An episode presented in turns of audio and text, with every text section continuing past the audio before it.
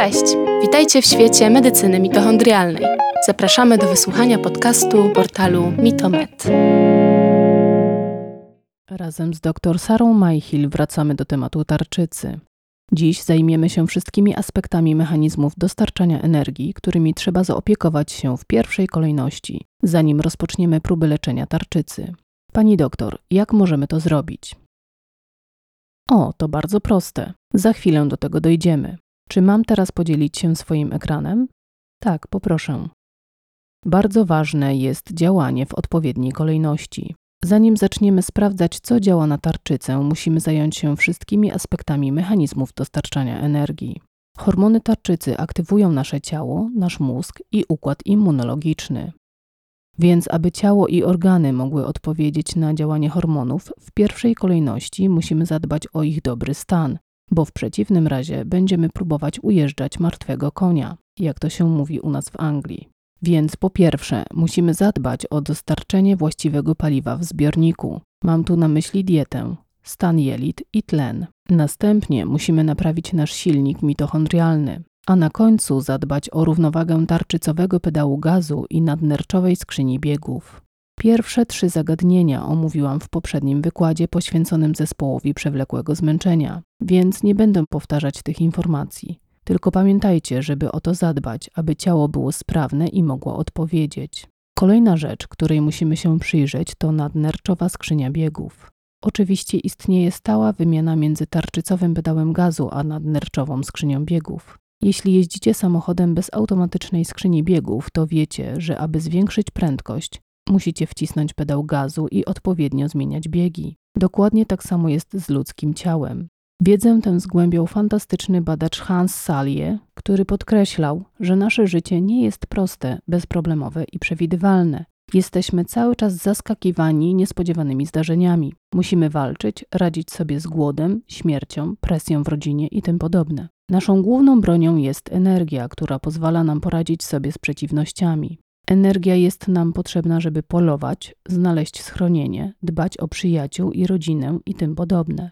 To właśnie gruczoł nadnerczowy pozwala nam wejść na wyższy bieg i odpowiedzieć na te wszystkie wymagania. Pisał o tym profesor Hans Salje, który ukuł pojęcie ogólnego zespołu adaptacyjnego GAS. Zidentyfikował trzy fazy odpowiedzi nadnerczy na czynniki stresowe. Faza pierwsza to adaptacja bieżąca. Na przykład jak jestem w dżungli i wyskakuje na mnie tygrys, to muszę biec najszybciej jak tylko potrafię, aby nie stać się jego śniadaniem. Do tego potrzebne są nam hormony wytwarzane przez nadnercza, w tym adrenalina, która jest produkowana jako pierwsza. Adrenalina pośredniczy w naszej bezpośredniej reakcji na stres. Jeśli stres nie słabnie, organizm musi produkować kolejne hormony takie jak kortyzol, DHEA i wiele innych, aby poradzić sobie z jego długofalowym działaniem. Więc jeśli stres nie ustaje, to nadnercza muszą być jeszcze bardziej aktywne.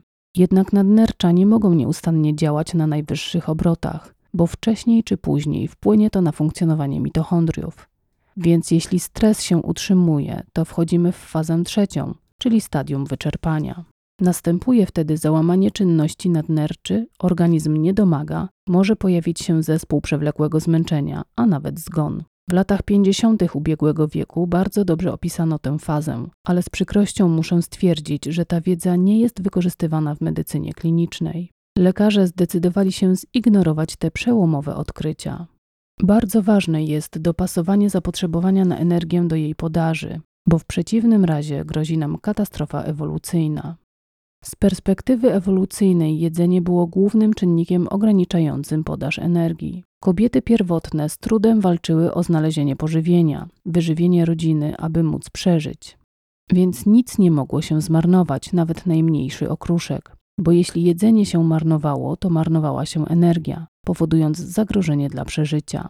Charles Dickens, jeden z najpopularniejszych brytyjskich autorów, świetnie to zilustrował. Bo w zimie hibernujemy się, otulamy się, dbamy o ciepło i polegamy na zapasach tłuszczu, aby przetrwać. Charles Dickens bardzo ładnie to ujął w jednej ze swoich książek. Ciemność jest tania, a więc Scrooge ją pochwalał. I zawsze porównywał energię do pieniądza. Dobrze funkcjonujące nadnercza są niezbędne w procesie dopasowania podaży energii do zapotrzebowania na energię z oczywistych przyczyn ewolucyjnych. Kiedy jesteśmy w stresie bez względu na przyczynę, mamy większe zapotrzebowanie na energię, bo energia jest potrzebna, aby poradzić sobie ze stresem. Już o tym mówiłam w wykładzie poświęconym zespołowi przewlekłego zmęczenia. Wszyscy mamy pewien zbiornik energii. Jeśli zużyjemy więcej energii niż mamy w tym zbiorniku, to umrzemy. Można tu przytoczyć przykład Filipidesa, który pobiegł do króla po bitwie pod maratonem, aby obwieścić zwycięstwo Greków, ale wydatkował więcej energii niż jej miał i padł martwy po przybiegnięciu. Zużył całe swoje rezerwy energii. Tak więc bardzo ważne jest dopasowanie zapotrzebowania na energię do jej podaży. Lekarze nigdy nie diagnozują zmęczenia nadnerczy. Diagnozują jedynie całkowitą niewydolność nerek lub chorobę Addisona i rzeczywiście ona prowadzi do śmierci. W swojej karierze spotkałam się tylko z jednym przypadkiem choroby Addisona, bo na szczęście występuje rzadko. Kiedyś dziewczyna, która miała taką diagnozę, dosłownie osunęła się na podłogę mojego gabinetu. Natomiast dużo bardziej powszechną jednostką jest zmęczenie nadnerczy. Tak naprawdę z wiekiem u nas wszystkich pojawia się zmęczenie nadnerczy. Prawdopodobnie jest to część procesu starzenia się. Podobnie jak w przypadku tarczycy, zmęczenie nadnerczy diagnozujemy na podstawie objawów, parametrów i badań, a następnie potwierdzamy na podstawie odpowiedzi na leczenie. To są objawy zmęczenia nadnerczy. Niektóre z nich już omówiliśmy. Oczywiście niewydolne mechanizmy dostarczania energii, trudności z radzeniem sobie ze stresem. Ludzie często mówią: Nie radzę sobie ze stresem, unikają go. To może być objaw zmęczenia nadnerczy. Rytm dobowy. Bycie sową może być objawem zmęczenia nadnerczy. Pamiętacie, że to adrenalina i kortyzol budzą nas rano. Wraz ze zmęczeniem nadnerczy spada poziom hormonów. Pierwsza grupa hormonów, których poziom spada, to hormony płciowe. Często pacjenci zgłaszają się do mnie z wynikami badań i mówią: Mam niski poziom estrogenu, testosteronu i progesteronu, więc pewnie kwalifikuję się do HTZ, prawda? Nie jest to najlepszy pomysł, bo jak już sobie powiedzieliśmy, kobiece hormony płciowe są niebezpieczne, mogą powodować raka. W pierwszej kolejności myślimy o nadnerczach, bo żeńskie hormony płciowe są pochodnymi hormonów nadnerczy. Wszystkie hormony zaczynają swoje życie jako cholesterol. Cholesterol jest konwertowany do pregnenolonu. Z pregnenolonu powstaje kortyzol, DHEA, testosteron, estrogen, progesteron i inne. Także pierwsza wskazówka to niski poziom żeńskich hormonów płciowych, któremu towarzyszy utrata libido. Następnie spada poziom DHEA, kortyzolu i na końcu adrenaliny.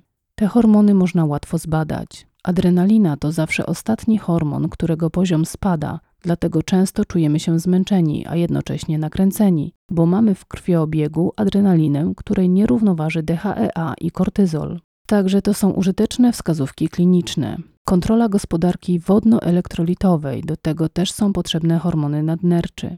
Typowe objawy to ochota na sól, tendencja do odwodnienia, częste oddawanie moczu. Wszystko to może wskazywać na zaburzone funkcjonowanie nadnerczy. I na koniec stan zapalny. Bardzo wiele współczesnych chorób zaczyna się od stanu zapalnego. Dotyczy to m.in. raka, chorób serca i demencji. Towarzyszy im stan zapalny, podobnie jak alergie i choroby autoimmunologiczne. Z wiekiem jesteśmy bardziej podatni na stany zapalne, które występują równolegle ze spadkiem funkcjonowania nadnerczy. Więc jeśli walczysz z nasilonym stanem zapalnym, zwróć uwagę na nadnercza. Przydatny jest tutaj test stymulacji nadnerczy, który można przeprowadzić na próbkach śliny. Tradycyjnie testy wykorzystywane przez lekarzy, takie jak test stymulacji synaktenem czy oznaczanie poziomu kortyzolu w surowicy krwi, nie są wystarczająco czułe, aby wykryć niski stopień zmęczenia nadnerczy. Takie testy mogą zidentyfikować całkowitą niewydolność nadnerczy lub chorobę Addisona, ale tak jak powiedziałam, jest to rzadkie schorzenie. A tyle osób słyszy, ma pani prawidłowy wynik testu stymulacji synaktenem. Ma pani prawidłowy poziom kortyzolu we krwi. Pani nadnercza mają się dobrze. Ale to po prostu nie jest prawda. Ja lubię zlecać testy ze śliny, ponieważ są bardzo użyteczne i omijają problem wiązania białek. Mierzą poziom wolnego kortyzolu i DHEA. Poziom wolnego kortyzolu i DHEA powinien być stosunkowo wysoki rano, a z upływem dnia powinien spadać. Ten test nie mierzy poziomu adrenaliny, ale mierzy poziom kortyzolu, a kortyzol podąża za adrenaliną. Więc jeśli w ciągu dnia mamy skoki kortyzolu czy DHEA, to na tej podstawie możemy wnioskować, że u tej osoby również występują skoki adrenaliny. Więc jeśli mamy skoki kortyzolu czy DHEA, to musimy zadać sobie pytanie dlaczego? Ponieważ mamy jakąś reakcję na stres w organizmie. Najczęstszą przyczyną reakcji na stres są skoki adrenaliny u osób, które jedzą cukry i węglowodany. To przyczyna numer jeden. Przyczyna numer dwa to hipoglikemia w diecie ketogennej, czyli brakuje nam hormonów tarczycy do spalania tłuszczów, więc organizm zamiast tego używa adrenaliny. Także są to bardzo użyteczne wskazówki. Ale stres może mieć różne podłoża fizyczne, emocjonalne, umysłowe, finansowe, które też mogą prowadzić do skoków adrenaliny. Kolejna możliwość to niski poziom DHEA i prawidłowy poziom kortyzolu, co sugeruje początek zmęczenia nadnerczy. Jeśli mamy bardzo niski poziom DHEA i kortyzolu, to znaczy, że zmęczenie nadnerczy jest bardziej zaawansowane. To kolejna użyteczna wskazówka z badania, bo płaska krzywa w cyklu dobowym może wskazywać na niedoczynność tarczycy. Dlaczego? Bo nie ma skoków hormonów tarczycy rano, więc też nie ma skoku adrenaliny. To badanie daje nam użyteczne informacje i bardzo proszę o interpretowanie jego wyników zgodnie z tymi wytycznymi. Jak leczy się nadnercza? Po pierwsze, staramy się zidentyfikować przyczynę stresu, a następnie zredukować stres. Przyczyny mogą być różne, na przykład ciało nie ma wystarczająco dużo energii, bo mechanizmy jej dostarczania są zaburzone. Stres wywołują uzależnienia od węglowodanów, kofeiny, alkoholu, nikotyny itd. Tak Moja bliska przyjaciółka twierdzi, że są dwie przyczyny śmierci u ludzi: uzależnienie i ignorancja. Kochamy nasze uzależnienia, wypieramy je, racjonalizujemy je, udajemy, że ich nie mamy. Uzależnienia są bardzo powszechne, natomiast ignorancji staram się pozbyć za pomocą dzisiejszego wykładu. Nadnercza mogą się zregenerować, jeśli zapewnimy im dobrej jakości odpoczynek, zadbamy o dobrą jakość snu, drzemki w ciągu dnia i tego typu rzeczy. Ponadto mają szczególne zapotrzebowanie na witaminy z grupy B. Dobry kompleks witamin B z dużymi dawkami witaminy B5 może być 250 mg, witamina C, elektrolity i tłuszcze. Wszystko to są surowce niezbędne do prawidłowej syntezy hormonów przez nadnercza. Także najpierw musimy zadbać o surowce, żeby potem zredukować pracę nadnerczy. Możemy to zrobić za pomocą substancji ziołowych lub ekstraktów gruczołowych. Leczenie zmęczenia nadnerczy nie jest tak dobrze rozpoznane jak leczenie tarczycy i bardziej opiera się na metodzie prób i błędów. Oto kolejność, w jakiej ja podaję różne substancje. Zaczynam od pregnenolonu, głównego prekursora większości hormonów nadnerczowych, takich jak DHEA, kortyzol, estrogen, progesteron, testosteron itd. Tak Zwyczajowa dawka to 25 do 100 mg dziennie, w zależności od wagi, wieku oraz poziomu zmęczenia nadnerczy. Jest to zupełnie nieszkodliwy preparat, nie dający skutków ubocznych, jest tani i ogólnodostępny. Niektórzy określają go mianem hormonu pamięci, bo brak pregnenolonu w mózgu prowadzi do upośledzenia pamięci. A pamięć jest bardzo ważna. Jej pogorszenie jest zazwyczaj pierwszym objawem choroby Alzheimera i demencji, także pregnenolon pomaga. Dalej w kolejności możemy stosować DHEA, a także zioła takie jak ashwagandha i żeńszeń, znane adaptogeny oddziałujące na nadnercza, z których korzysta wiele osób. Na slajdzie podałam informacje o ich dawkowaniu. Kolejny środek to ekstrakt z nadnerczy krowich. Pamiętajcie, że często są to ekstrakty z całego gruczołu nadnerczowego, a nie tylko kory nadnerczy. Ekstrakty z całego gruczołu zawierają niewielkie ilości adrenaliny, co nie każdy dobrze znosi. Także na początek dobrze zacząć od ekstraktu z kory nadnerczy. Dawki podałam na slajdzie. Pamiętajcie, że jeśli przyjmujecie jakiekolwiek hormony nadnerczowe, tarczycowe czy melatoninę, zawsze przyjmujcie je podjęzykowo, bo jeśli je połkniecie, to trafiają do wątroby i tam są metabolizowane. Przyjmujcie je podjęzykowo, nawet jeśli preparat nie został specjalnie przeznaczony do tego celu. Zazwyczaj są zamknięte w kapsułkach, ale nie smakują bardzo źle. Trzymajcie pod językiem tak długo jak możecie, w ten sposób dobrze się wchłoną. Zapewnicie w ten sposób lepszy rezultat, jeśli pominiecie metabolizm wątrobowy. To tyle, jeśli chodzi o hormony nadnerczowe. Myślę, że to dobry czas na przerwę. A po przerwie omówimy pozostałe aspekty mechanizmów dostarczania energii oraz zajmiemy się tarczycą. Będę też mówić o jodzie. Przestanę teraz dzielić się ekranem. Mam nadzieję, że to było sensowne, a jeśli nie, to zadawajcie pytania. Dziękuję, to było bardzo interesujące. Dziękujemy za wszystkie wyjaśnienia, a teraz zapraszamy na przerwę.